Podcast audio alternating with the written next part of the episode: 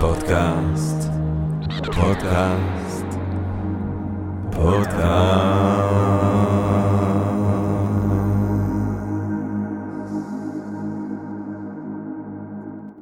טוב, גבירותיי ורבותיי, ברוכות וברוכים הבאים לפודקאסט של Think and Drink Different. אני ג'רמי פוגל, ואנחנו רוצים שוב להודות, אה, אני יודע מה, לחברת זום העולמית, כי לצערנו הרב אנחנו עדיין לא אה, חוזרים להודות לאולפן שבו אהבנו אה, והתרגלנו אה, להקליט, אנחנו עדיין מקליטים במתכונת אה, פנדמיה, אבל זה לא, לפחות לשוחח וללמוד ולהקשיב ולהחכים ולהרחיב את האופקים, כל אלה הם עדיין גם אפשריים וגם חוקים, אז כיף גדול לנו.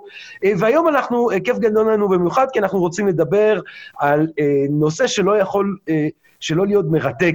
אנחנו רוצים לדבר על היסטוריה כלכלית, אנחנו רוצים להבין בעצם את העולם מנקודת זווית כלכלית, אנחנו רוצים להבין אה, התפתחויות אה, מהפכניות בכלכלה העולמית אה, אה, אה, אה, אה, וההבדלים אה, אה, ופערים אה, שישנם אה, בין אה, אזורים שונים בעולם סביב הנושא הזה. והאמת שחשבתי, על, ה, על הרעיון הזה של היסטוריה עולמית, או היסטוריה כלכלית, או היסטוריה גדולה כזאת, אה, אה, שאוהבים לעשות אותה בשנים האחרונות, אז זכרתי את השיחה אה, שזכיתי לנהל השבוע בתשדיר שלנו, בשידור שלנו של Think and Drink Different עם אתגר קרת. ושם הוא הקחי לנו בפרמיירה קוסמית עולמית ויקומית, סיפור קצר שהוא כותב, ובסיפור הוא מדבר על אדם שהוא איש קולנוע ופילוסוף ובמאי, שבעצם עושה סרט, והסרט הוא חייו. ואנשים נכנסים לאולם קולנוע והם יוצאים אחרי 70 שנה, או יותר נכון, רק אחד שנולד תוך כדי ההקחנה הוא זה שיוצא, כל השאר כבר מתים מזמן, ובעצם כל הסרט, כן, הסרט אה, אה, אה, זה החיים של האדם. אה, ואני אמרתי לאדגר קרת ברעיון שזה הזכיר לי רעיון שהיה לי לקראת סוף הדוקטורט, כשאתה מרגיש שהוא נהיה אינסופי, אמרתי, אולי במקום אה, להגיש תזה, אה, אה, אה, אני אגיש את היקום. אני אגיש את היקום, זה יהיה הדוקטורט שלי. ואז לא יהיו תיקונים ולא יהיו תוספות, כי יהיה את הכל. כן, אולי בסוף, אם אתה רוצה להגיש דוקטורט שבאמת אה, עונה לשאלה פילוסופית לעומק, אתה צריך להגיש את היקום. עכשיו, אנחנו אה, אה, קטונו מלנסות להגיש את היקום, אה, אבל אנחנו מנסים לעשות משהו שהוא די דומה לזה היום, ולהגיש את ההיסטוריה של העולם מנקודת זווית כלכלית, וכדי לעזור לנו אה, לנסות לעשות את זה, אה, אנחנו זכינו במומחה והוגה בתחום, אורי כץ, דוקטור אורי כץ, גבירותיי ורבותיי, הוא דוקטור לכלכלה, הוא כתב את התזה שלו באוניברסיטת תל אביב, המחקר שלו שם עסק במוביליות כלכלית, בצמיחה ארוכת טווח והיסטוריה כלכלית. הוא כתב ספר יחד עם פרופסור עודד גלאור, מסע האנושות, מסע האנושות, מפץ הציוויליזציות הגדול, שבו הוא עוסק בשאלות שבדיוק אנחנו נרצה לעסוק בהן היום, על המפץ הגדול או על העלייה הגדולה באיכות חיים, על הבדלים ופערים בין מדינות ובין קונטיננטים בנושא ה... בנושא הכלכלי. דוקטור אורי כץ עוסק היום, הוא data scientist בעצם במגזר הפיננסי, ואנחנו מתכבדים ונשמחים ונרגשים מאוד לארח אותו כאן היום. דוקטור אורי כץ, שלום רב. שלום לכם. אמ, טוב, תראה, אה, אה, אה, בוא נתקוף את ה... כמו שאנחנו אוהבים להגיד כאן, בוא נתקוף את הבעיה ישר בווריד הצוואר, וחשבתי לשאול אותך שאלה מבואית כזאת, כללית, מה זה בכלל היסטוריה כלכלית? זאת אומרת, מה, מה אתה עושה כשאתה עושה היסטוריה כלכלית? אז uh, יש הרבה מחקרים בהיסטוריה כלכלית, יש כמובן מחקרים שהם יותר uh, אמפיריים, שמנסים uh, לבדוק איזושהי שאלת מחקר ספציפית לתקופה מסוימת, ספציפית למדינה מסוימת, למה קרה איפשהו משבר כלשהו, או איך הדברים התגלגלו, ויש מחקרים שהם יותר תיאורטיים ומנסים, קצת בנוגע, בדומה למה שדיברת בהתחלה, מנסים... אה, לתפוס דפוסים שהם כלליים יותר אודות העולם. אה, למעשה הספר שלנו, שעליו נדבר היום, מבוסס על כמה מחקרים כאלה שהם אה, קצת מזכירים את השאיפות שלך בנוגע לדוקטורט, כן? של לנסות לכתוב איזושהי תיאוריה אחת שכוללת הכל, שמתארת את כל ההיסטוריה האנושית מלפני עשרות אלפי שנים, למעשה מהופעת האדם ועד היום, והכל על ידי שימוש באיזה מספר מצומצם יחסית של משוואות שמתארות את הכוחות העיקריים שפעלו. אז, אה, אז יש כאן איזושהי שאיפה כזאת, שהיא כמובן שאיפה כזאת אה, קצת מוגזמת, היא גורמת לנו להפשיט את הדברים, לפשט דברים, כדי לנסות להבין את הכוחות העמוקים שפועלים מתחת לפני השטח, ואז אנחנו נאלצים להתעלם מכל מיני פרטים קטנים בדרך, כן? אז זה קצת כמו להסתכל על, ה, אה, על הפיזיקה של ניוטון, כן? שאתה יורה כדור מתותח, ואתה מתעלם מהחיכוך של האוויר ומכל מיני דברים אחרים, אבל אתה מנסה להבין את הכוחות העיקריים שפועלים על הכדור של התותח, אז זה הרעיון. אה, אז לפני שבאמת ניכנס אה, לטיעונים הספציפיים ולמחקרים הספציפיים ולמה שהם אומרים, אה, אולי, אולי תאמר בכמה מילים מהם, מה מהם הטיעונים, מה, מהו החידוש שאתם מביאים בספר הזה? מהם הטיעונים שלכם? מהם המסקנות שלהם, שלכם, ומשם נחקור אותם יותר לעומק ברשותך. כן, אז הספר שלנו עוסק בשתי שאלות עיקריות. הראשונה היא שאלת, הפע... שאלת הנסיקה. זה איזושהי תעלומה למה לאורך ההיסטוריה האנושית, לאורך רוב ההיסטוריה האנושית, רמת החיים של האדם הממוצע הייתה קבועה.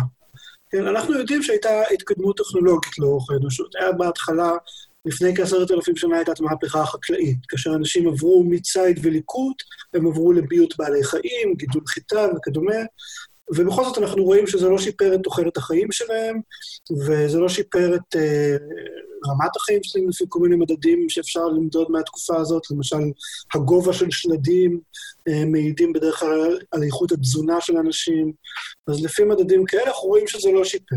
עכשיו, אחרי המהפכה החקלאית האדם למד לביית עוד הרבה אה, בעלי חיים אחרים לאורך הזמן, סוסים, חמורים, חזירים, תרנגולות וכדומה. בהמשך הוא למד לפתח את הכתב, אה, אנשים למדו להמציא כל מיני מכשירים, המציאו תחנות קמח, המציאו פרסות של סוסים, כל כל הדברים האלה היינו מצפים שהם יעלו את רמת החיים. כי הנה, יש לכם תחנת קמח, אז עכשיו אפשר לייצר יותר לחם מאותו שדה חיטה, אפשר לייצר אותה יותר מהר, לא צריך כל כך הרבה עובדים. היינו מצפים שדברים כאלה יעלו את רמת החיים, ובכל זאת רואים שלא, היא לא עלתה בכלל, עד בערך אמצע המאה ה-19. מאמצע המאה ה-19 רואים פתאום זינוק משמעותי ברמת החיים. אה, עד היום, כן? וזאת שאלה די מדהימה, כי אם אתה חושב נגיד על המאה ה-19, תחשוב למשל על האימפריה הבריטית הענקית עם כל הספינות, לחשוב שעיקר הממוצע באותה אימפריה חי באותה רמת חיים כמו העיקר הממוצע במסופוטמיה, אה, כמה אלפי שנים לפני כן, די מדהים, כן? אז זאת החידה הראשונה שבה אנחנו עוסקים. למה רמת החיים לא השתנתה במשך כל כך הרבה זמן, ואז פתאום זה נקרא. החידה השנייה שאנחנו עוסקים היא קשורה לחידה הראשונה, והיא עוסקת בפערים. איך התפתחו הפערים הענקיים בין המדינות? כי כאשר בודקים את uh, הנתונים ההיסטוריים, מגלים שלפני 300, 400, 500 שנה לא היו פערים כאלה דרמטיים, למשל, בין מערב אירופה לבין אפריקה. כן, העיקר האנגלי הממוצע לא חי הרבה יותר טוב מהעיקר הניגרי הממוצע. לא הייתה אז ניגריה, אבל נניח, כן. והיום אנחנו יודעים שזה כמובן מאוד מאוד השתנה, אז גם התהליך הזה, באותה תקופה שבה התחילה הנסיקה הגדולה, התחילו להיווצר גם הפערים הגדולים בין המדינות, ואנחנו עוסקים בעצם בשתי השאלות האלה. למה הדפוס הזה של התפתחות רמת החיים נראה ככה, שטוח ואז נסיקה, ולמה הנסיקה התחילה קודם לכן במדינות מסוימות, והובילה לפערים שאנחנו רואים כיום. אז אם, אם נתחיל ברשותך עם, ה, עם החידה הראשונה הזאת, חידת הנזיקה, ו, הנסיקה, ואני, ו, ו, הדבר שעולה לי, ואתה יודע, בלי שחשבתי על זה יותר מדי, זה מאה ה-19, מהפכה תעשייתית. נכון, יש מהפכה תעשייתית, ובזכות המהפכה התעשייתית אולי, שהיא משמעותית מאוד, הנסיקה הזאת קרתה, לא? כן, אז uh, בספר שלנו על uh, מסע האנושות, אנחנו באמת מדברים הרבה על הנושא הזה של uh, המהפכה התעשייתית, אבל המהפכה התעשייתית כשלעצמה לא מספיקה כדי להסביר את זה, כן? כי המהפכה התעשייתית הייתה אוסף של קדמה טכנולוגית בכל מיני תחומים, אז לכאורה היית מצפה שהיא תוביל לאותו מנגנון שהובילו גם מהפכות טכנולוגיות קודמות, כן? עכשיו, אולי נתחיל קצת לפני זה, כן? למה בעצם מהפכות טכנולוגיות לא הובילו לנסיקה ברמת החיים. מה, מה בעצם המנגנון שתקע את האנושות במלכודת עוני? אז התשובה לשאלה הזאת הופיעה לראשונה בכתבים של תומאס מלטוס, מתחילת המאה ה-19 לסוף המאה ה-18, ומה שהוא כתב זה שכאשר בני אדם נעשים יותר עשירים, למשל בזכות תחנת קמח חדשה שמאפשרת להם לייצר לחם יותר בקלות, אז הם באמת יחיו טוב יותר, אבל גם הם יעשו דבר נוסף, הם יעשו יותר ילדים. וכשהם יעשו יותר ילדים, האוכלוסייה תגדל במהירות. אז בדור הראשון, ההורים באמת יחיו טוב יותר, יהיה להם יותר לחם, הילדים שלהם ימותו פחות, כן, אנחנו מדברים כאן על תקופות שבהן שיעור התמותה של ילדים היה מזעזע לגמרי. בערך חמישית מהילדים לא היו עוברים את גיל חמש. סליחה, כמה, אה, לא, לא, לא, לא, לא שמעתי, בערך כמה לא, לא היו מגיעים לגיל חמש? חמישית. חמישית. כן, לפחות, תלוי באזורים ובתקופות. אז... אה, ברגע שיש יותר אוכל, יותר ילדים ישרדו לבגרות, אה, גם ההורים יביאו יותר ילדים, לאמהות יהיה יותר קל להעניק וכדומה, ואז האוכלוסייה תגדל, ובסופו של דבר, אחרי מספר דורות, אה, האוכלוסייה תגדל עד לנקודה כזאת שמספר כיכרות הלחם לאדם יחזור לנקודה המקורית. ואז רמת החיים לא תגדל. עכשיו, כל הדברים האלה עבדו עד המהפכה התעשייתית, זה מה שקרה. אנחנו רואים בספר שלנו, אנחנו מדברים על, אה, מראים הרבה נתונים ודוגמאות מתקופות היסטוריות שונות, גם מסין, גם מאירופה, מדברים שם על הרעב של תפוחי אדמה באירלנד, ועל אימוץ התירס באירופה, וכל מיני דברים כאלה, שבכל מקרה, מקרה אתה רואה שתמיד רמת החיים חוזרת לנקודה ההתחלתית. אה, וככה גם היה במהפכה התעשייתית בהתחלה. בתחילת המהפכה התעשייתית, שהיא פרצה באנגליה, סוף המאה ה-18, תחילת המאה ה-19, יש זינוק עצום בילודה. אנשים פתאום, הטכנולוגיה המובילה הראשונה של המהפכה התעשייתית הייתה הטכנולוגיה של הטקסטיל. זה היה אחד השווקים הראשונים שהופיעו. אנשים פתאום יכלו לקנות בגדים בזול. כן, זו הייתה תקופה שבה לכל בן אדם היה בגד אחד, מכנסיים אחת, חולצה אחת, וזהו פחות או יותר. ופתאום בזכות המכונות החדשות אנשים יכלו לקנות יותר בגדים, היה להם יותר עשירים, היה גם המון פיתוחים אחרים בתחומים של חקלאות וכימיה ודברים כאלה, דווקא חקלאות קצת פחות בהתחלה, אבל יותר בהמשך, וכל הדברים האלה הפכו אנשים ליותר עשירים ועמידים, והם באמת עשו הרבה יותר ילדים. הילודה גדלה מאוד מהר, האוכלוסייה של בריטניה והמדינות שעברו את המהפכה התעשייתית זינקה מאוד מהר, זו הייתה תקופה שבה משפחות של שבעה, שמונה ילדים לא היו, לא היו תופעה יוצאת דופן, כן? כולם שם נראו כמו החרדים כאן בישראל. אה, ואז, מסוף המאה ה-19, בערך 1870, 1880, משהו מאוד מסתורי קורה. הילודה מתחילה לרדת. זה, לתהליך הזה קוראים התמורה הדמוגרפית, וזו תקופה שבה בכל מערב אירופה רואים שהילודה, מספר הילדים לאישה, מתחיל לרדת באופן משמעותי. האוכלוסייה עדיין גדל, אה, גדלה, כי הילודה לאישה עדיין הייתה גדולה בשתיים. כן, אז האוכלוסייה ממשיכה לגדול, אבל בקצב הרבה פחות מהיר מאשר בעבר. השתטח הגרף בימים שלנו היום, כאילו. בדיוק, כן. וזאת התקופה שבה מתחילים לראות את הגידול ברמת החיים. כי פתאום קצב הגידול הטכנולוגי כבר לא, לא היה מה ש... קצב גידול האוכלוסייה לא איזן אותו יותר, כן? כל הנבואות השחורות של תומאס מלטוס התבדו. כן, זה קצת אירוני שתומאס מלטוס אה, חי בדיוק בתקופה שבה ההנחות שהוא תיאר הפסיקו להיות נכונות, כן? כלומר, זה היה נכון לגבי כל ההיסטוריה, עד הנקודה שבה הוא חי בעצם. מעניין. שזה קצת... אה, אז אתה יודע מה, אני, קודם כל אני רוצה לחזור, לפני שנחזור לנקודה הזאת של ה, אה, אה, ירידת הילודה שאפשרה את העלייה המשמעותית הזאת, בוא נחזור ברשותך קצת לעוני העתיק הזה, כמו שאתה מתאר, למלכודת העוני העתיק שאתה רואה את האנושות תקועה בה. כי אני תוהה אם זה, אם, אם, אם, אם, אם, מה קורה אם אנחנו שנייה אה, נעשה זום אין אה, אה, לאמירה הזאת. אני למשל, אני בור גדול בכל מיני נושאים, אני קצת אוהב, אני קצת פחות בור בפילוסופיה, אני נורא אוהב לקרוא וללמוד על הפילוסופים היוונים העתיקים. עכשיו, אתה רואה נגיד ספציפית הזן הזה של הבני אדם. הם כולם חיים עד לגיל מופלג. סוקרטס, הורגים אותו בגיל 70, אבל הוא נראה אה, מלא בכוח, אפלטון מגיע לגיל 80, אריסטו גם משהו כזה, פירון הספקן מגיע לגיל 90. כאילו נראה אה, שלפחות לגברים אתונאים, או לגברים, חלק מהם לא היו תנאים, לגברים של, שחיו במדינות, ה, בערי המדינות של יוון, אה, אז אמנם, אתה יודע, הם חיו ב, ב, ב, בחברה שלנו כמובן נראית מבחינה מוסרית, מוסרית פסולה, כי יש עבדות, והאישה היא בעצם מנהלת להם את הבית, והם חופשים כל היום לאכול ולשתות ולהתענג, אבל דווקא נראה ששם יש איכות חיים מאוד גדולה. אני בטוח שאפשר עוד לראות עוד מקומות ועוד רגעים שבהם היו לחברות מסוימות לפחות איכות חיים שהיא אני לא יודע, אולי אין שם רפואה מודרנית וכאלה, אבל מכל מיני בחינות אחרות, האיכות חיים לא יורדת מהאיכות חיים שלנו, לא? כן, אז, אה, אז יש הרבה מחקרים שבדקו את זה. אז קודם כל, אה, אחד המחקרים אה, מסתמך על הנושא של בתי קברות מתקופות שונות בהיסטוריה, אז יש שם, אה, רואים, אה, מוצאים את השלדים בעצם מהבתי קברות, ורואים מה הגיל הממוצע של האנשים שנפטרו שם. ככל הנראה, בתי הקברות האלה לא כוללים בכלל את הנושא של תמותת תינוקות, כן? כי יש סיכוי טוב שתינוקות לפני גיל שנה שמתו, ואנחנו יודעים שהם מתו בשיעורים עצומים, אנשים אפילו לא טרחו לקבור אותם. אז, אבל לפחות לגבי היותר מבוגרים, אנחנו מקבלים מהבתי קברות האלה איזשהו אומדן. והמאמרים שבדקו את זה מתייחסים גם לבתי קברות באתונה וברומא ובמקומות כאלה, ואתה רואה שם, הגיל הממוצע של הנפטרים סובב כל הזמן סביב 40. כל הזמן, גם במסורת וגם בטורקיה וגם ביוון וגם ברומא וגם באנגליה של ימי הביניים. כן, כל הזמן הגיל הממוצע סובב סביב 40. עכשיו, הפילוסופים שאתה מדבר, חלקם היו בני אצולה, כן? ברור כן. שאנשים כמו בני אצולה היה להם יותר קל להגיע לגילאים מופלגים. אנחנו מדברים על הממוצע של האוכלוסייה, כן? עכשיו, דבר נוסף שבדקו שם, אחד המחקרים אחרים שבדקו את זה מכיוון אחר, מסתכלים על שבטי ציידים לקטים מודרניים.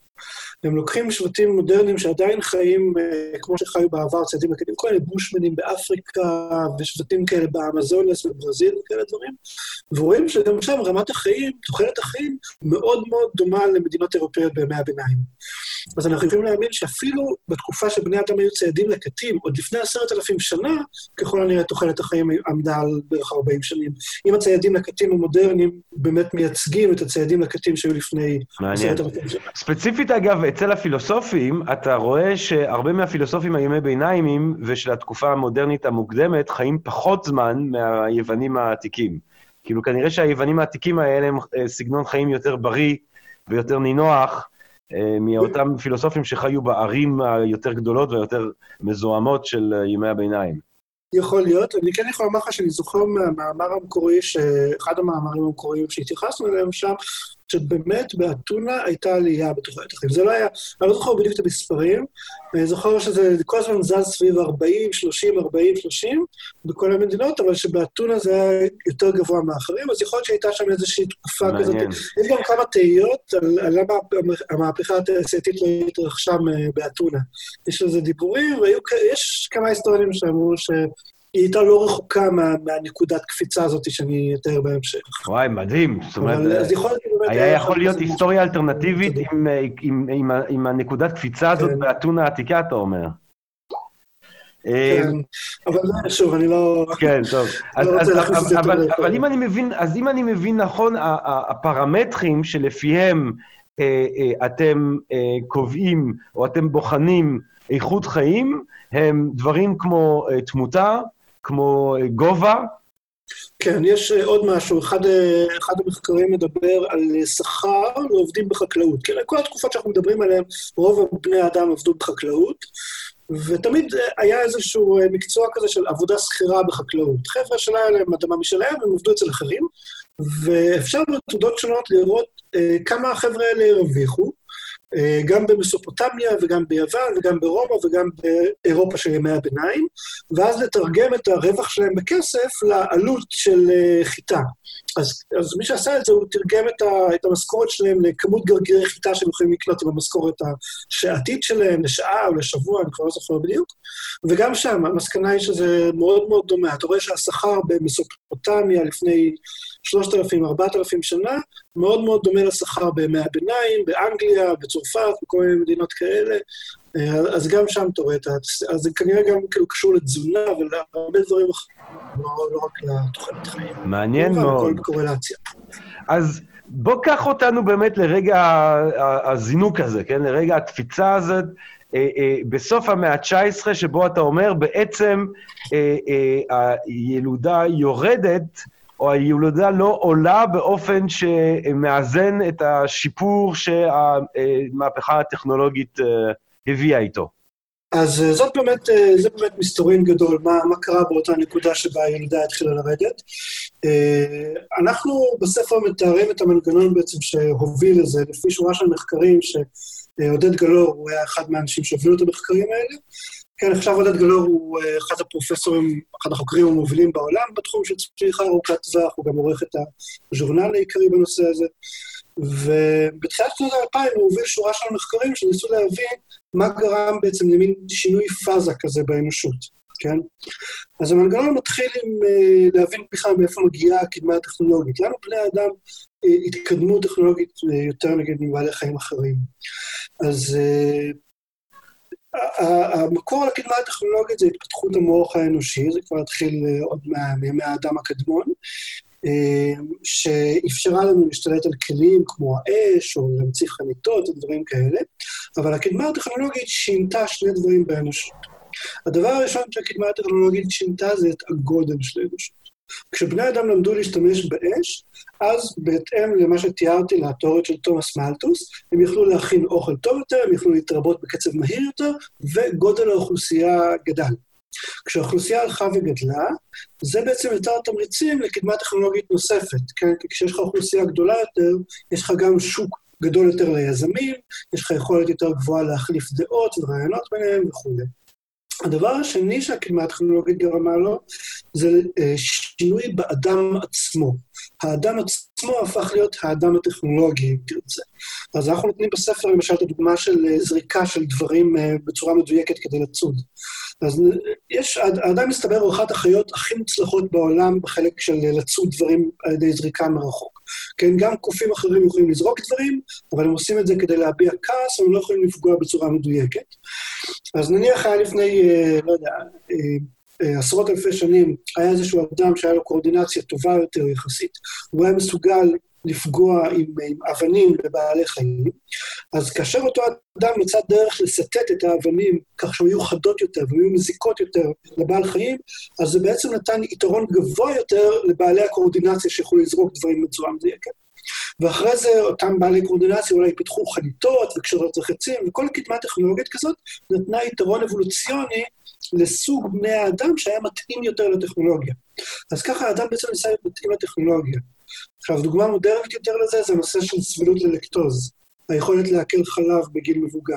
גם כאן היה אה, טכנולוגיה שהיא אימוץ של בעלי חיים, פרות ועיזים, והטכנולוגיה הזאת נתנה יתרון הישרדותי לבני אדם שהיו יכולים לעכל את החלב של פרות ועיזים גם בתור מבוגרים, כן? כי רוב בני אדם לא יכולים, רק בתור ילדים יכולים, או לפחות בעבר זה היה נכון, היום כבר הרוב יכולים גם מבוגרים. ואז המוטציה הזאת שאפשרה לאנשים לעכל לקטוז התפשטה, כן? אז, אז הטכנולוגיה בעצם שינתה את ההרכב של האדם, כך שהאדם היה יותר מתאים לעולם שהוא עם טכנולוגיה גבוהה יותר, כמו למשל ביות אה, בעלי חיים. אבל פה אתה מתאר דברים עכשיו... שקרו, אתה יודע, בפרה-היסטוריה חלקם, או, נכון. או בהיסטוריה העתיקה מאוד. נכון. המעגל הזה כל הזמן המשיך. עכשיו, ככל שהוא התקדם והתקדם, ככה קצב הקדמה הטכנולוגית הלך וגבר. כן? כי ככל שהאוכלוסייה האנושית הייתה יותר גדולה, היה יותר תמריצים לקדמה טכנולוגית. אבל איכות החיים, סליחה, איכות כן, החיים נשארת סטטית. בכל מה נכון, שאתה מתאר, איכות החיים נשארת סטטית. נכון. זאת אומרת, יש עקומה נכון. אחת של טכנולוגיה שעולה, עולה, עולה, ויש עקומה של איכות חיים שנשארת אותו דבר. נכון. עכשיו, לאורך כל התקופה הזאת, יש איזשהו משהו שמשתנה בסיסי, האנושות ממשיכה להשתנות, אה, ואחד הדברים שמשתנים ככל שהאנושות נעשית יותר ויותר טכנולוגית, זה אה, התמורה אה, להון אנושי בשוק העבודה. אוקיי, אז הון אנושי זה, זה כל מיני דברים כמו גם ידע וגם אה, סבלנות לעבוד וגם יכולת דחיית סיפוקים וכל מיני מכלול של תכונות כאלה שהם שונים קצת מהון פיזי, מהיכולת להחזיק דברים אה, כבדים, משהו כזה, כן? אה, ככל שהתקדמה הטכנולוגיה, ככה ההון האנושי הפך להיות יותר חשוב בשוק העבודה יחסית להון פיזי.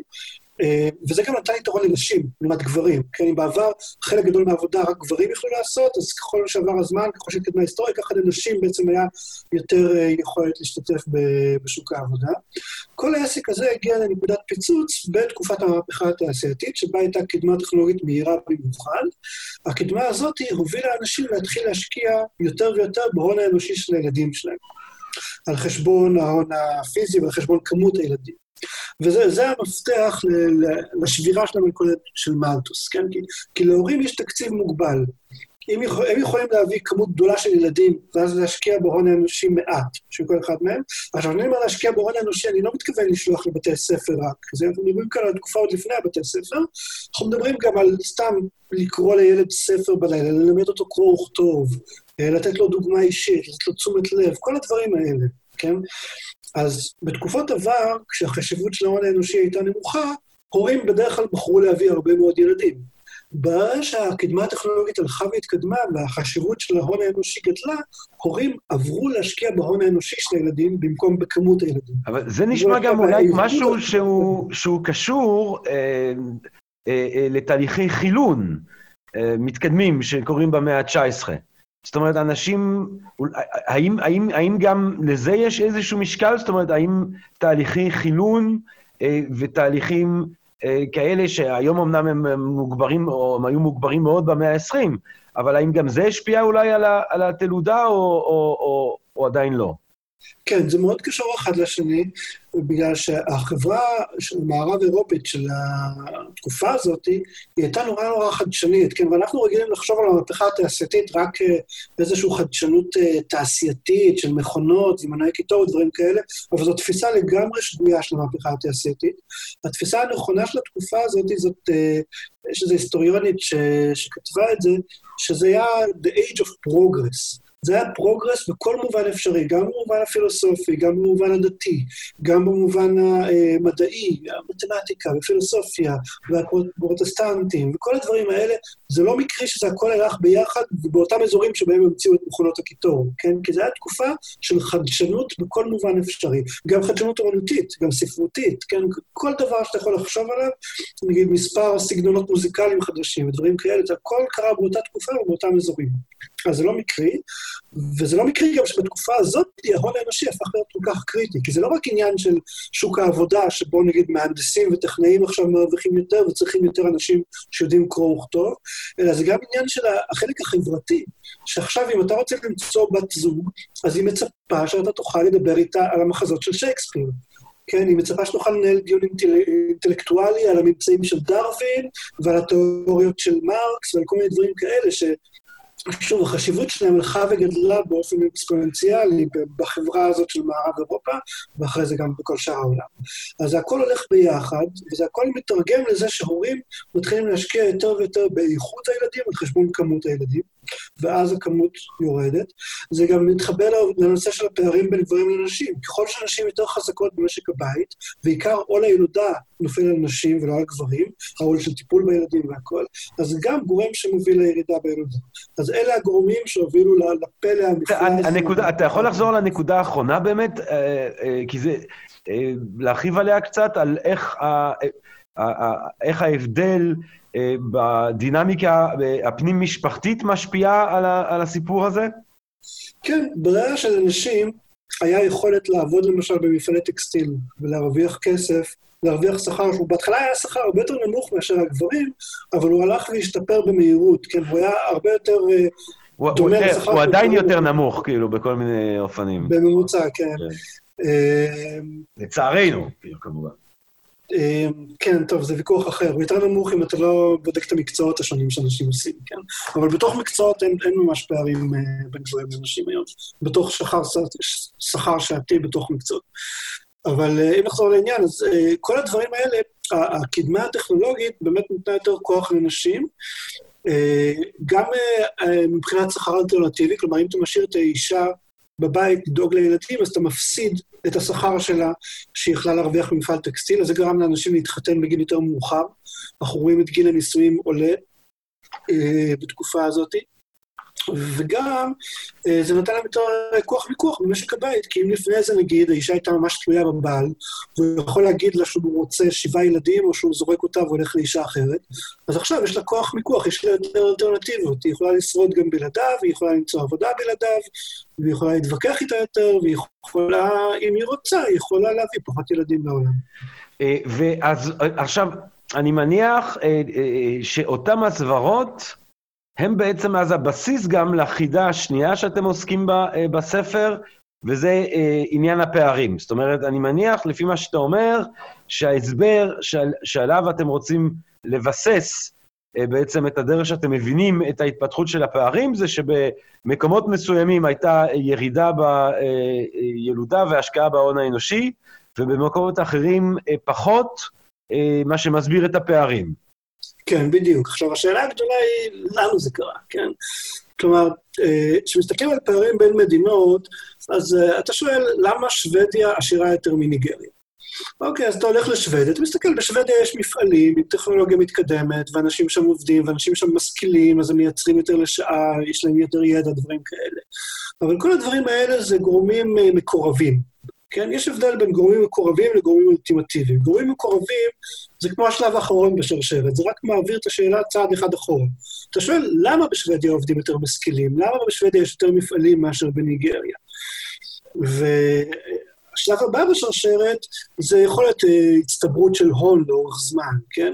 אבל אם אתה מסתכל, אתה רואה שהפערים בין שוודיה לניגריה הם לא חדשים, קיימים כבר 200-300 שנה, והם רק גדלו בתקופה האחרונה, כן? ואז אתה מתחיל לשאול, למה בעצם מלכתחילה הקדמה הטכנולוגית הייתה הרבה יותר מהירה באזורים מסוימים כמו שוודיה מאשר באזורים אחרים? עכשיו, לשאלה הזאת יש uh, הסברים שאפשר לחלק אותם לארבעה קבוצות גדולות. קבוצה אחת זה הסברים מוסדיים. הסברים מוסדיים אה, אה, מתמקדים במבנה של המוסדות, בעיקר מוסדות פוליטיים, כן, דברים כמו מערכת שהיא יותר דמוקרטית, פחות דמוקרטית, וגם אה, מוסדות כלכליים, עד כמה המדינה פתוחה למסחר, עד כמה התושבים פתוחים לקדמה טכנולוגית, דברים כאלה. יש הסברים תרבותיים שמסבירים את ההבדלים בין המדינות. גם, גם דברים כמו פתיחות לחדשנות, אה, דברים כמו יכולת דחיית סיפוקים ודברים כאלה, שאתה רואה הבדלים בין מדינות. יש, אה, ועכשיו, בדרך כלל ההסברים המוסדיים והתרבותיים, יש להם איזשהו מקור עתיק יותר, מקור, אה, מקורות למשל גיאוגרפיים ואחרים, כן? אז אני אתן לך דוגמה שאנחנו מדברים עליה בספר הרבה, שאחת השאלות הגדולות בהיסטוריה האנושית זה איך אירופה עקפה את סין בסיבוב.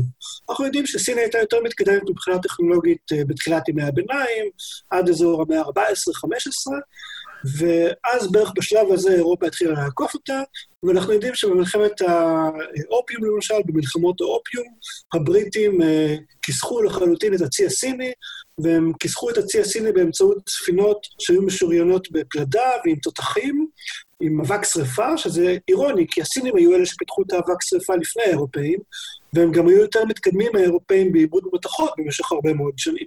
והנה הבריטים באים להם עם מתכות חדשות יותר, ועם תותחים טובים יותר, ופשוט מעיפים את הצי הסיני לכל הרוחות. כן, אז זו שאלה, איך קרה הדבר הזה, התופעה אני חושב שחשוב חשוב להדגיש שלפני אה, אה, מלחמות האופיום של 1841, אם אני לא טועה, זה מתחיל, לפני זה, סין היא הכלכלה הגדולה בעולם. כן, אבל מה זה כלכלה גדולה? זה מספר אנשים גדול, כן? גם אחרי מלחמות האופיום יכול, היו בסין יותר אנשים מאשר בבריטניה, אבל זה לא עזר להם, הבריטים יכלו לכפות על הסינים איזה תנאי סחר שהם רצו, כן? אז, אה, אז נשאלת השאלה, איך זה קרה, כן? אה, הסינים עצמם שאלו את עצמם איך קרה הדבר הזה, כן? אז... אה, אבל עדיין, זאת אומרת, כלכלה גדולה, זאת אומרת, נגיד, אה, אה, אה, עדיין, נגיד, היום ארה"ב היא כלכלה גדולה יותר מהכלכלה הסינית, למשל, למרות ההבדלים. נכון. ה... אבל היום הסינים, אה, נגיד, הם כלכלה גדולה יותר מהכלכלה הישראלית, אבל בישראל אנשים חיים ברמת חיים הרבה יותר גבוהה.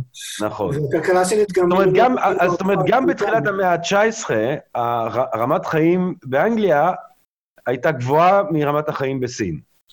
אנחנו מדברים כאן, אמרת על 1840, זה בדיוק הנקודה שרמת החיים מתחילה לעלות, כן? אז, אז אז עוד לא ממש הייתה גבוהה יותר, אבל בריטניה כן, למרות שהיה לה פחות אנשים, היה לה טכנולוגיה הרבה יותר מתקדמת, והיא יכלה לנצח את סין בשדה הקרב. כן? אז השאלה היא איך קרה המהפך הזה, כן?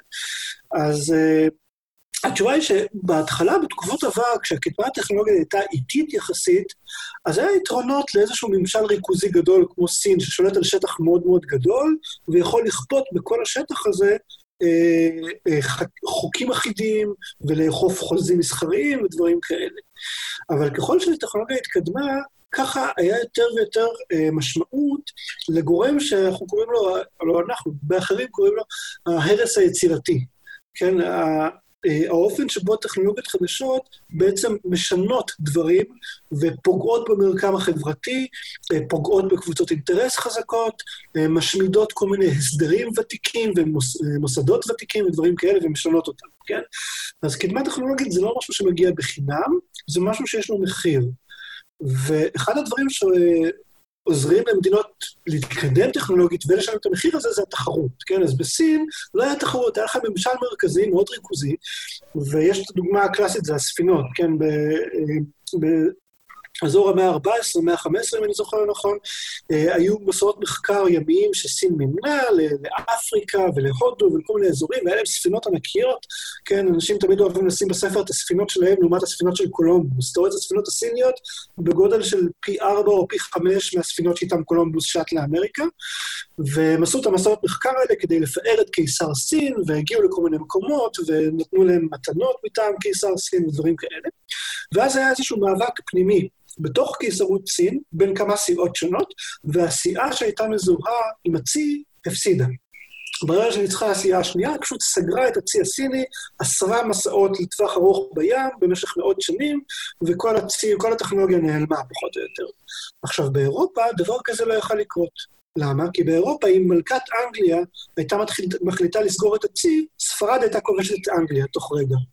ואם מלכת ספרד הייתה סוגרת את הצי, אז אה, מלכת פורטוגל הייתה כובשת אותה, וככה הלאה. באירופה תמיד היו כמה ישויות שונות שיכלו להתחרות אחת בשנייה, וישויות פוליטיות גדולות שהתחרו אחת בשנייה, וכאשר אחת מהן אה, עצרה את ההרס היצירתי ועצרה את הקדמה הטכנולוגית בגלל כל מיני אינטרסים פנימיים, ישות אחרת הצליחה לנצח אותה, כן? אז אנחנו רואים את הקדמה הטכנולוגית, בהתחלה הייתה בצפון איטליה, זה היה האזור הכי מתקדם מבחינה טכנולוגית בימי הביניים, ונציה וכל הערים האלה, ואחרי זה זה עבר להולנד וארצות השפלה, ואחרי זה לבריטניה, ואחרי זה במאה ה-20 זה כבר עבר לצרפת, לגרמניה, וארצות הברית, אבל זה תמיד היה שם, זה תמיד היה איפשהו בציוויליזציה המערב-אירופאית. ואז אתה שואל, כאילו, אוקיי, אז יש כאן איזשהו גורם, אבל מה, מה הסיבה המקורית? מה הסיבה האולטימטיבית? למה הקדמה הטכנולוגית הייתה יותר מהירה באירופה, ולמה היו שם מעצמות כאלה ובסין לא?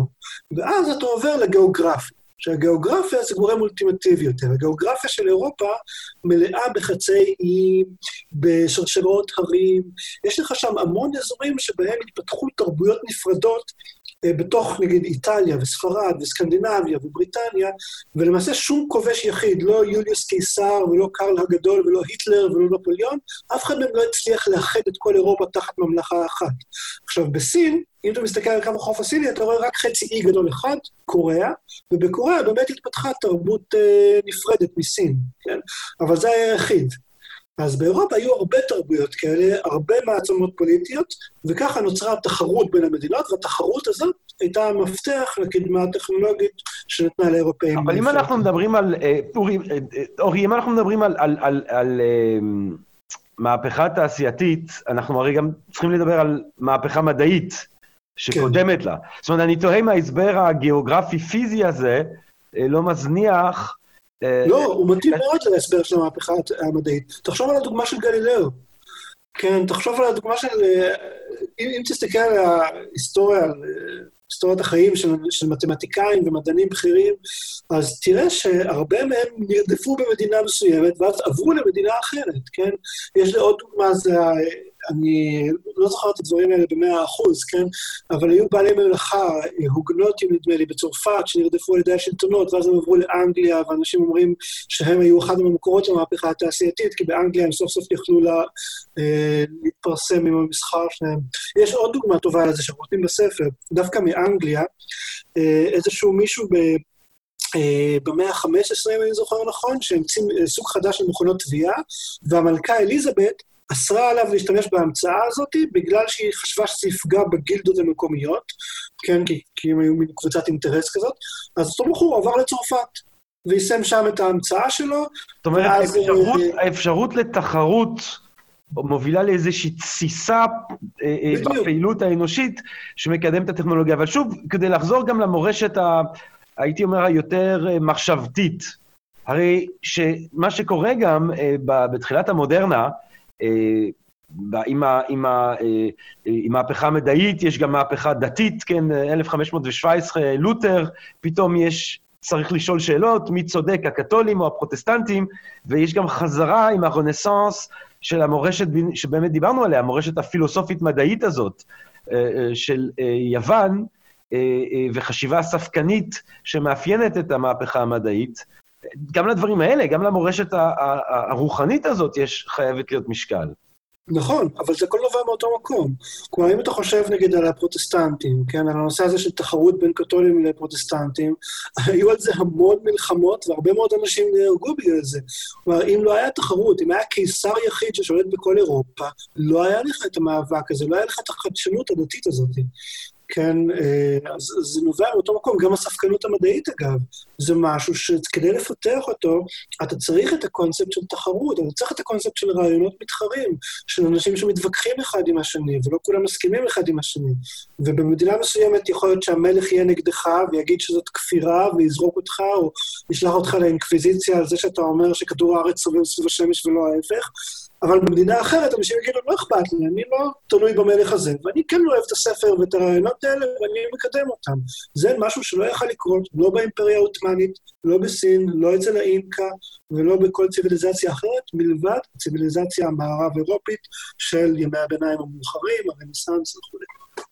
אז אולי אה, אני רוצה אה, אה, לקחת אותך עכשיו, לחלץ מהתובנות האלה, שהן תובנות על המצוי, אה, לחלץ אולי קצת מחשבה איתך על, על הרצוי. כי נשמע לי, ותתקן אותי אם אני טועה, שאם אתה רואה אה, בהשקעה בהון אנושי, אה, בצמצום הילודה ובתחרותיות כפקטורים כה משמעותיים בזינוק של איכות חיים ושל הצלחה כלכלית, הרי שזה מה שאתה היית גם מציע היום, לממשלות או אה, אה, למדינאים, זאת אומרת, תחשבו על לצמצם ילודה ולהגביר את, את ההשקעה בהון האנושי, תחשבו על, על שוק חופשי, כאילו האם, אם, אם, אם אתה צודק לגבי ההיסטוריה, האם איזשהו מודל ניאו-ליברלי כלשהו, זה גם מה שאתה, זה גם מה שאתה מציע, זה גם מה שאתה מציע? כן, אז אה, קודם כל חשוב לציין שהספר שלנו בקושי עוסק במדיניות כלכלית במובן שבה אני עוסק בבלוג שלי הרבה, כן? כלומר, אנחנו לא... לא, אז בעצם, לא, לא דיברנו על הבלוג בזה, אבל אתה, אה, אה, אתה כותב בלוג מרתק, שכל המאזינים שלנו מוזמנים לבוא ולהצטרף ולראות בפייסבוק, נכון? כן, דעת מיעוט. דעת מיעוט. עכשיו, אז בוא נחבר בין הספר לבין דעת מיעוט. אה, בוא נחבר בין, בין, בין ההיסטוריה המצוי לבין הרצוי שמשתקף בדעת מיעוט. מה אתה לוקח מכל מה שלמדת על איך שצריך לנהל כלכלה היום כדי לה, אה, אה, להגביר את הסיכויים להצלחה? אז קודם כל, אחד הדברים המרכזיים שאנחנו מדגישים בספר, זה שלהיסטוריה יש משקל משמעותי, כן? היה ציטוט נחמד ששמעתי לא מזמן של זוכה פרס נובל לכלכלה, אגנוס דיטון, שהוא עוסק בהיסטוריה כלכלית, ושאלו אותו, אותה שאלה שאתה שואל אותי עכשיו, שאלו אותו בשנות ה-90, עכשיו רוסיה, בדיוק באותה תקופה, אה, הפכה להיות, אה, הפסיקה להיות אה, קומוניסטית, מסך הברזל נפל, ושאלו אותו, מה רוסיה ומזרח אירופה צריכות לעשות כדי להפוך להיות עשירות כמו מערב? מה שהוא ענה להם, זה שהן צריכות למצוא לעצמן היסטוריה אחרת. וזאת תשובה מאוד עמוקה, כאילו, תשובה מאוד מדכאת.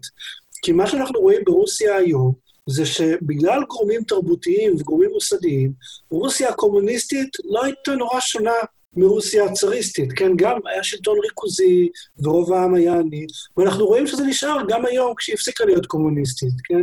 אנחנו רואים שהמאפיינים התרבותיים הבסיסיים של בני אדם, למשל, עד כמה הם, אה, רמת האמון של אנשים אחד בשני ובמערכת, כן?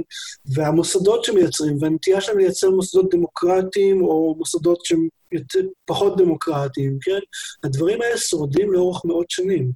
אז התפיסה הזאת שעד כמה ההיסטוריה חשובה, זה יכול גם לייצר איזושהי פסימיות לגבי זה. כלומר, אתה יכול להגיד שלא משנה מה ניגריה תעשה, היא אף פעם לא תהיה עשירה כמו שוודיה, כי יש שם תרבות שונה ויש שם מוסדות בסיסיים שונים שנורא נורא קשה לשנות אותם, אבל... בגלל האופן שבו הכוחות פועלים. מצד שני, אורי, אה, תראה, נגיד, אחת מההנחות...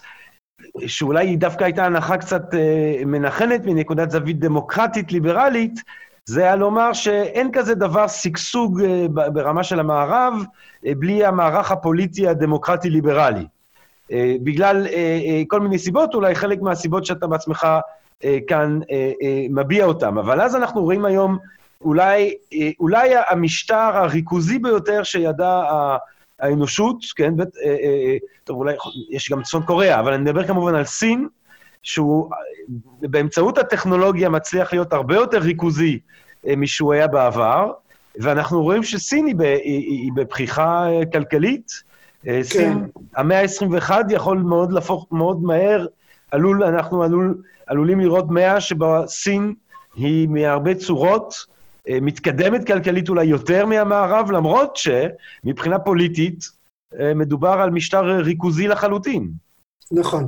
אז אנחנו מדברים על זה בספר, בחלק של המוסדות. יש ויכוח ענק על האם דמוקרטיה גורמת לצמיחה, או האם דמוקרטיה היא תוצאה של צמיחה כלכלית. ויש מספר אה, כלכלנים שניסו לקדם באמת את התזה הזאת שדמוקרטיה זה הדבר החשוב, וזה מאפשר לכולם לשתף, למצות את הפוטנציאל שלהם, וזה מאפשר להם להתגבר על קבוצות הלחץ, וככה המדינות נעשות עשירות. אבל כמו שאתה טוען בצדק, הדוגמה של סין, וגם הדוגמאות של סינגפור ושל דרום קוריאה, מפריחות את התזה הזאת. דרום קוריאה לא הייתה דמוקרטיה עד שנות ה-80. כן, בתחילת הדרך של הדמוק... דרום קוריאה הייתה דיקטטורה בדיוק כמו צפון קוריאה. וההבדל היחיד הוא שדרום קוריאה בחרה בקפיטליזם, וצפון קוריאה בחרה בקומוניזם. זה היה ההבדל היחיד.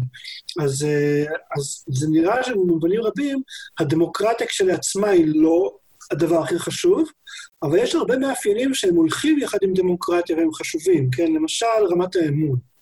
רמת האמון של אנשים, גם אחד בשני וגם בשלטון, זה אחד המאפיינים החשובים. אנחנו מראים בספר שלנו, למשל, יש מספר מחקרים נורא מעניינים, שהראו את השפעת העבדות על רמת האמון באפריקה. אתה רואה שאזורים שנפגעו מהעבדות, עד היום רמת האמון בהם של אנשים אחד בשני היא הרבה יותר נמוכה מאשר אזורים שלא נפגעו מהעבדות, כי הרבה פעמים העבדות היו אנשים שממש מכרו את השכנים שלהם, או את האויבים שלהם לעבדות, כן, אז זה, זה יצר המון uh, בעיות פנימיות.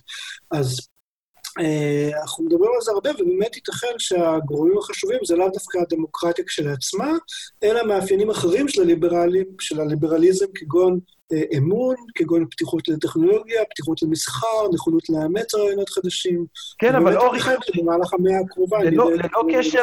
ללא, קשר, לאיזה גורמים של ליברליזם אה, אנחנו רואים כתשתית נכונה להתקדמות כלכלית. בסין הרי היא מדינה מאוד לא אה, ליברלית, והופכת לפחות ופחות בתקופה הזאת לליברלית, ועדיין אנחנו רואים שהיא, שהיא היא, היא מצליחנית מאוד מבחינה כלכלית. לא, אנחנו לא רואים שהיא מצליחה. כלומר, רמת החיים בסין היא עדיין מאוד נמוכה. התוצר לנפש בסין הרבה יותר נמוך מאשר בישראל. הוא בערך חצי מהתוצר לנפש בישראל, אם אני זוכר נכון.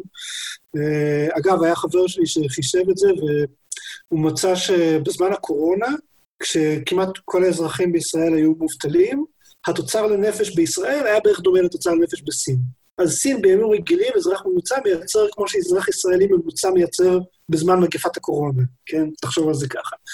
אז אה, לא, סין לא כל כך מצליחה, אבל אם אתה מסתכל נגד על סינגפור ודרום קוריאה, שהן דוגמאות למדינות, גם טיוואן אגב, מדינות שהתחילו כמדינות דיקטטוריות יחסית ואז הצליחו, זה מדינות שבהן יש מסחר חופשי יחסית, אה, הרבה פעמים יש אה, מערכת בריאות שהיא יחסית אה, פרטית, מערכת חינוך שהיא יחסית פרטית, כלומר יש שם הרבה מאפיינים שהם דומים למערב אירופה במובן הזה.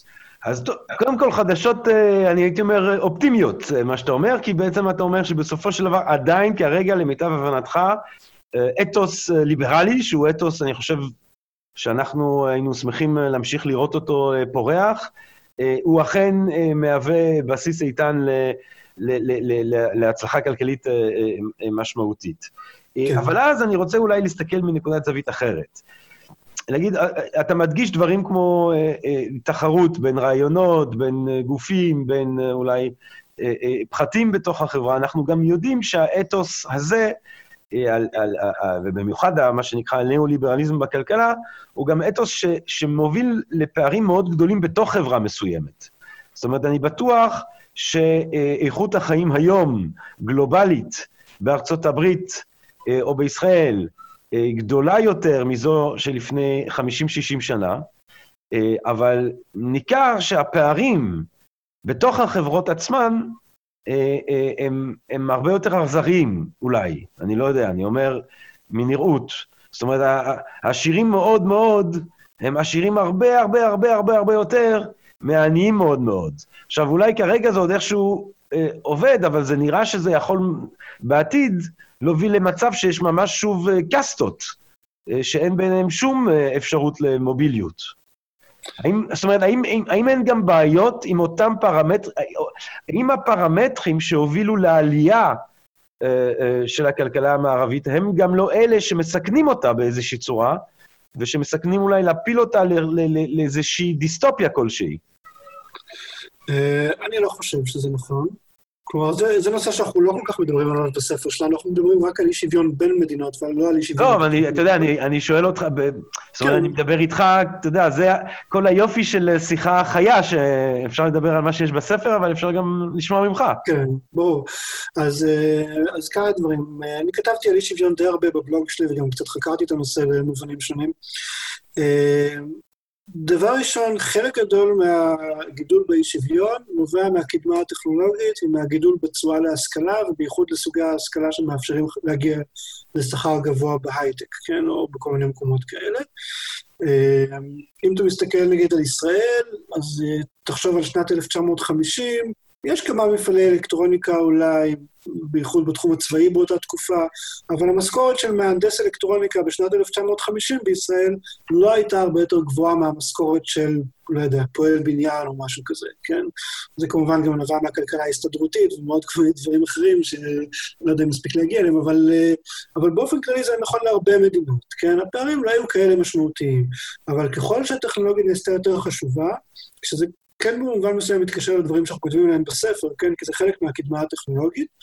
אז, אה, אז ככל שהטכנולוגיה נעשית יותר חשובה, ככה הפערים בין אותו אה, אה, מהנדס אלקטרוניקה לבין אותו פועל בניין גדלים. ואז נכנס לך גם התהליך של גלובליזציה. ככל שעובר הזמן, יותר ויותר קל להחליף את אותו פועל בניין באיזשהו פועל סיני, או להעביר את המפעל של הפועלים למקסיקו, או לירדן, או לכל מיני מקומות אחרים, כי גם מדינות אחרות מתחילות להיכנס לתמורה הדמוגרפית, למהפכה התעשייתית. אז אם בשנת 1950 לא יכולת להקים מפעל מכוניות בטורקיה או בירדן, היום אתה יכול להקים אותו, אז תעביר את המפעל אה, מארצות הברית לטורקיה, או מיפן לירדן, או משהו כזה. ואז המשמעות היא שהעובדים שאין להם את הכישורים ואת ההשכלה הגבוהים בארצות הברית או בישראל או ביפן, יצטרכו להתחרות עם עובדים בסין ובאינדונזיה ובירדן, וזאת כבר תחרות שמאוד מאוד קשה להם. זו תחרות שבסופו של דבר גורמת לכך ש... בטווח הארוך אולי, השכר ישתווה. כלומר, פועלים חסרי השכלה במדינות מערביות ירוויחו שכר שהוא לא מאוד מאוד רחוק מפועלים חסרי השכלה במדינות אחרות, כן? עכשיו, זה, זה משהו שבאמת אה, יכול לפגוע. אבל חשוב לזכור שקרה דברים. קודם כל, השכר של כל שכבות האוכלוסייה נמצא בעלייה ברוב מדינות העולם לאורך 100-200 השנים האחרונות. כלומר, למרות התהליך הזה, אתה עדיין לא רואה ירידת שכר. יש כאלה שציינו ששכבות מסוימות בארצות הברית, השכר הריאלי נשאר קבוע, יש שם קצת בעיות מדידה, ולא בטוח שהוא באמת תופס את הקדמה הטכנולוגית כמו שצריך, אבל ירידה בשכר הריאלי זה לא משהו שאתה רואה בשום מקום, כן? מה שאתה רואה זה שבאמת אה, היה איזשהו גידול ארוך טווח בפערים, אה, בטווח הארוך, כמו בטווח של עשרות שנים. אה, עכשיו, השאלה כאילו, שאתה שואל, האם זה יכול להוביל לאי-יציבות פוליטית, זה כבר ממש מופרך, לא רואים בשום מקום בעולם, דווקא ההפך, במדינות שיש בהן פערים גדולים, כמו ארה"ב או שווייץ, הן נורא נורא יציבות, באפריקה פערים הרבה יותר נמוכים. תראה, אני לא יודע עד כמה ארה"ב אה, מראה סימנים של, של יציבות אה, לטווח בינוני. תחשוב למשל, מתי היה הפעם האחרונה שהיה ממש תקופה של הפגנות ורציחות פוליטיות בארצות הברית? בשנות ה-60, שהייתה מדינה הרבה יותר שוויונית מאשר היום. היה הרבה יותר הפגנות והרבה יותר אה, גם התנגשויות פוליטיות והרבה יותר דברים כאלה, כן? אז אה, בינתיים קשה מאוד לראות קשר בין אי שוויון לבין uh, חוסר יציבות פוליטית, כן? גם כשאתה מסתכל נגיד על מהפכות בהיסטוריה, מהפכות בדרך כלל הונעו על ידי איזושהי אליטה מסוימת שרוצה להחליף אליטה אחרת, הם לא הונעו על ידי אי השוויון הכולל בחברה. וזה גם הגיוני, כי אם נגיד תחשוב עלינו כישראלים, כשאתה חושב על האי שוויון ועל מה שמעצבן אותך, אתה לא משווה את עצמך לבדואים ברהט. כן? אתה משווה את עצמך לאנשים דומים לך, פחות או יותר, ואז אם אתה פגוע יחסית אליהם, זה מכעיס אותך, כן? אז אליטה מסוימת יכולה לנסות להחליף אליטה אחרת בשלטון, או משהו כזה, דרך הצבא, כמו שהיה בכל מיני הפיכות אחרות, אבל זה אף פעם לא נובע מהאי שוויון הכולל אה, בין כל מיני איכרים שחיים באזורים נידחים ובין אה, אנשים עשירים שחיים בארץ. אבל יש פה גם אולי איפשהו, אני חושב, מעבר לה, אולי באמת לשאלה של יציבות פוליטית פר סה, יש פה גם אולי שאלה של, של צדק באיזושהי צורה. זאת אומרת, למשל, אם, למשל מדינת הרווחה, ואתה יודע, אנחנו עכשיו עדים ל, ל, ל, לאופן שבו חוסר, אתה יודע, כל הבעיות שיש למשל עם, עם סוגיית הבריאות בארצות הברית, עם זה שאנשים אין להם בהכרח ביטוח רפואי וכולי. עכשיו, יכול להיות ש, שנטו מבחינה כלכלית זה כאילו מרים את המדינה, אה, אבל, אבל פערים מהסוג הזה, נגיד בבריאות שאנשים מקבלים, יש בהם פשוט משהו שהוא לא צודק, שאנחנו רוצים אולי... אה, אה, למה?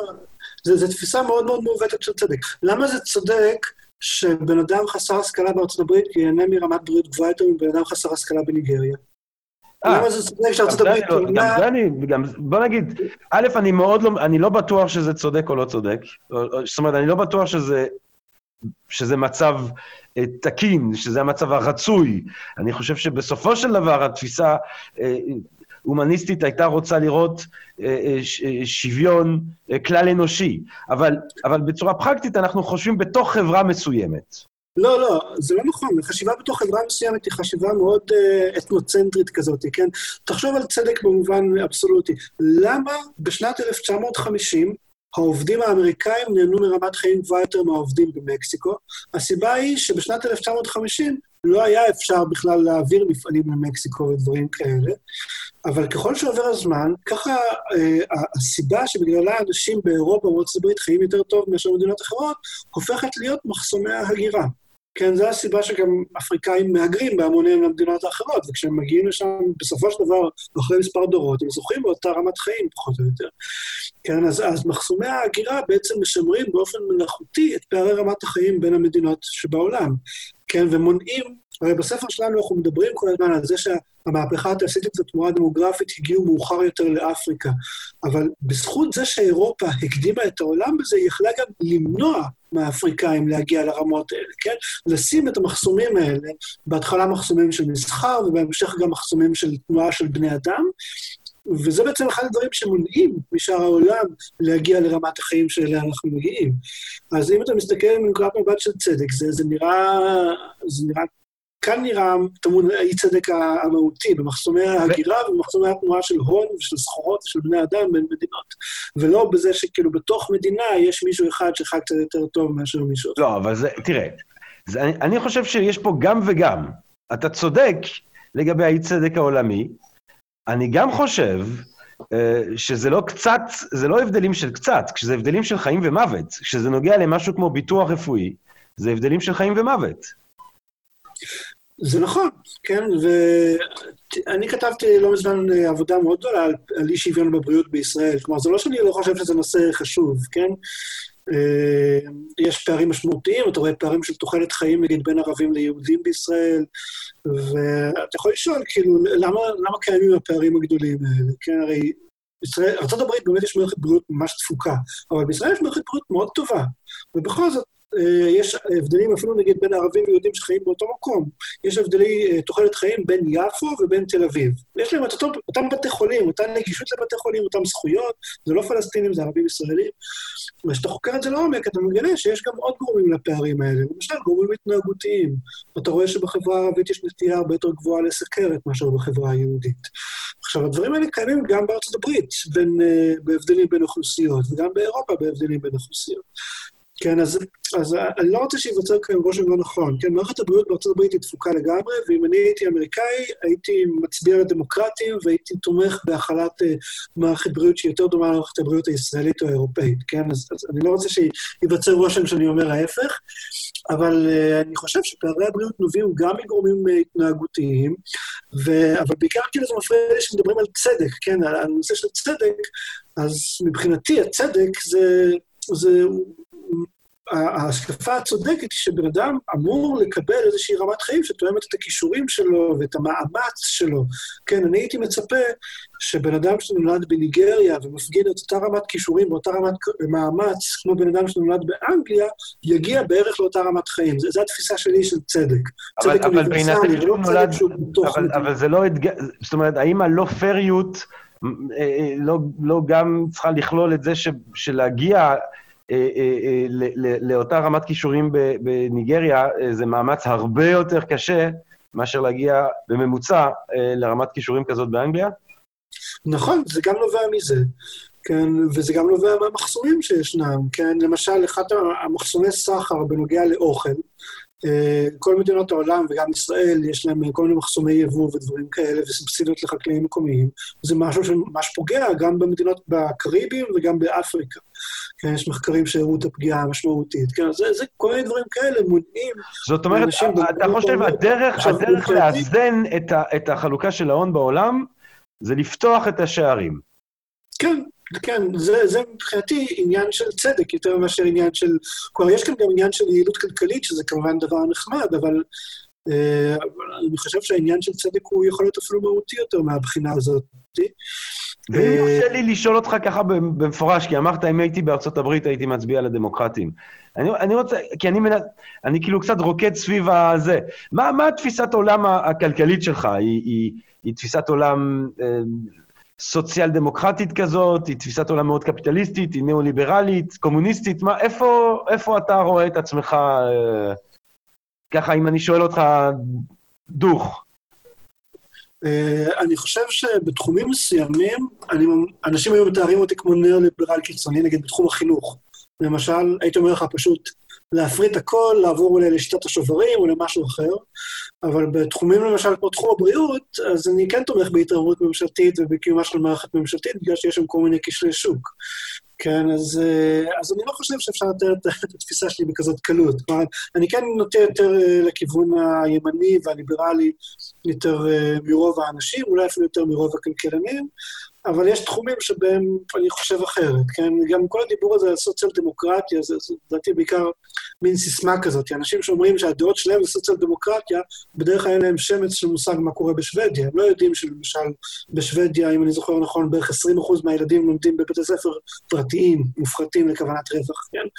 אז אנשים לא באמת מבינים מה זה סוציאל דמוקרטיה, והם בדרך כלל נוח להם להכניס את עצמם למגירות ולהכניס אחרים למגירות, אז הם שומעים, אה, אורי כץ, ניאו-ליברל, אז הוא כנראה מאוד מאוד אוהב את ארה"ב, והוא כנראה חושב שלעניים מגיע למות או משהו כזה, או כאילו הם מנסים להכניס אותך למגירות כאלה. אז, אז, אז, אז אורי, אתה יודע מה, בלי להכניס אותך למגירות, אז אני כן, אבל אתה, אתה כאילו מעדיף שיטה כלכלית שוודית על שיטה כלכלית אמריקאית? לפחות, נגיד, בנושא... אני מעדיף לקחת את הדברים הטובים כן. מכל ארץ, כן?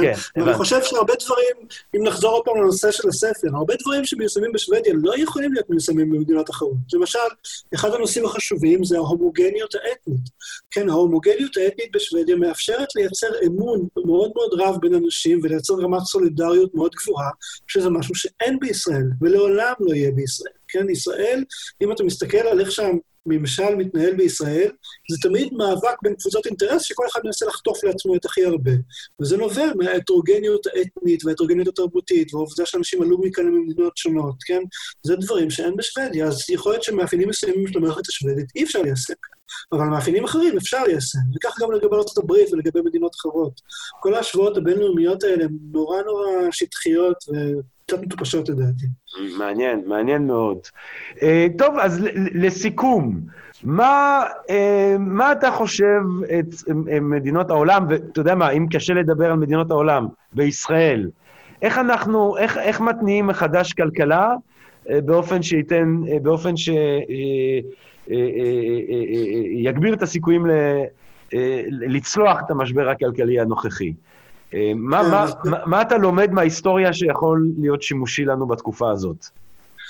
כן, אז אחד הדברים שאנחנו לומדים מההיסטוריה זה שבאמת תקופות של משברים כלכליים זה תקופות שבהן אפשר ליישם רפורמות חיוביות. אנחנו יודעים שבישראל היה תוכנית הייצוב בשנת 1985, בתקופה של האינפלציה הגבוהה, ותוכנית הייצוב כללה הרבה מאוד דברים שהיו מאוד חיוביים לכלכלה. בהמשך גם היה פתיחה של שווקים למסחר בינלאומי, ונושאים שקשורים לעצמות של בנק ישראל ודברים כאלה, שככל הנראה היה מאוד מאוד קשה להעביר את הדברים האלה לא בתקופה של משבר כלכלי. כי כשאתה לא במשבר כלכלי, יש לך את קבוצות האינטרס, ויש את החשש מההרס היצירתי שדיברנו עליו, ומהשינוי במעמד של כל מיני אליטות. אז uh, תקופות של משבר זה זמן טוב ליישם רפורמות כלכליות חיוביות. ולצערי, ממשלת ישראל לא ממש עושה את זה כרגע, כן? היא עסוקה, היא עסוקה, ב... הם עסוקים בדברים אחרים. אבל איזה, איזה סוג של דברים היית, היית רואה לנכון? מה... למשל, אפשר לפתוח את שוק הביצים ליבוא חופשי, כן? אנחנו ראינו את מחירי הביצים בימים האחרונים, ואיך שהם אה, זינקו, ואנחנו יודעים שזה בגלל השוק המתוכנן, והמגדלים, וכל הפיקוחים, וכל המכסות, והחסמי יבוא. אז uh, היה אפשר לקדם תוכניות לפתיחה יותר מלאה ליבוא, שהמשק הישראלי הוא, הוא בעצם נפתח ליבוא ברוב התחומים, אבל לא בתחום המזון. בתחומי המזון יש מכסים מאוד מאוד גבוהים, וזה מקשה על כולם, וזה, כל פעם שיש משבר, אז כל התכנון מראש של המשק הזה כמובן נכשל, באופן ששווקים חופשיים לא נכשלים, ולכן מחירי המסכות למשל לא עלו, כי יש לך שוק חופשי של מסכות, ואנשים יכולים לייצר מסכות כמה שבא להם, אבל מחירי הביצים כן עלו, כי אנשים לא יכולים לייצר ביצים כמה שבא להם, ולא יכולים לייבא ביצים כמה שבא להם. אז דברים כאלה, הייתי מצפה שבזמן משבר, אם היה לנו שר אוצר, אתה יודע, ב-2002, 2003, היה לנו שר אוצר נפלא. הוא עשה דברים נפלאים במהלך המשבר ההוא, וממש אה, היה שם אחוז אבטלה מאוד גבוה, והוא ניצל את זה כדי להוריד מיסים, אה, ו... אה, לפתוח את המשק לתחרות, וזה באמת יצר צמיחה מדהימה, ולשר האוצר הוא קראו, אולי אתה יודע, קראו לו בנימין נתניהו, ואני לא יודע איפה הוא נמצא היום, כן? הלוואי שהיה לנו היום שר אוצר שבאמת היה מסוגל לייצר, לנצל את המשק, אה, לנצל את המשבר הזה כדי להעביר רפורמות חיוביות, ובאמת להאיץ את הצמיחה. אה, לצערנו היום יש לנו ראש ממשלה ושרי אוצר ואנשים במערכת הפוליטית שאין להם, ככל הנראה אין להם שום כוונה לעשות משהו כזה. ובנימה אופטימית זו, אורי כץ, אני מודה לך מאוד, שיחה מרתקת. אה, אני חושב שכל מי ששמע, אה, אה, תרוצו, תרוצו לאינטרנט.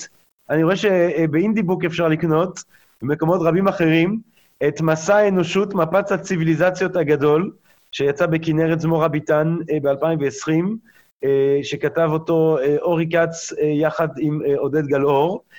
אורי, אני מודה לך מאוד מאוד מאוד על השיחה הזאת. תודה רבה לכם.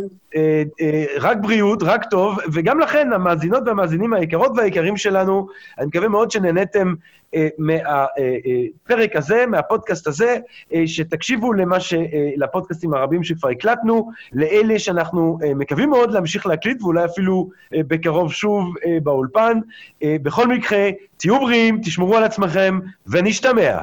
פודקאסט, פודקאסט. Podcast.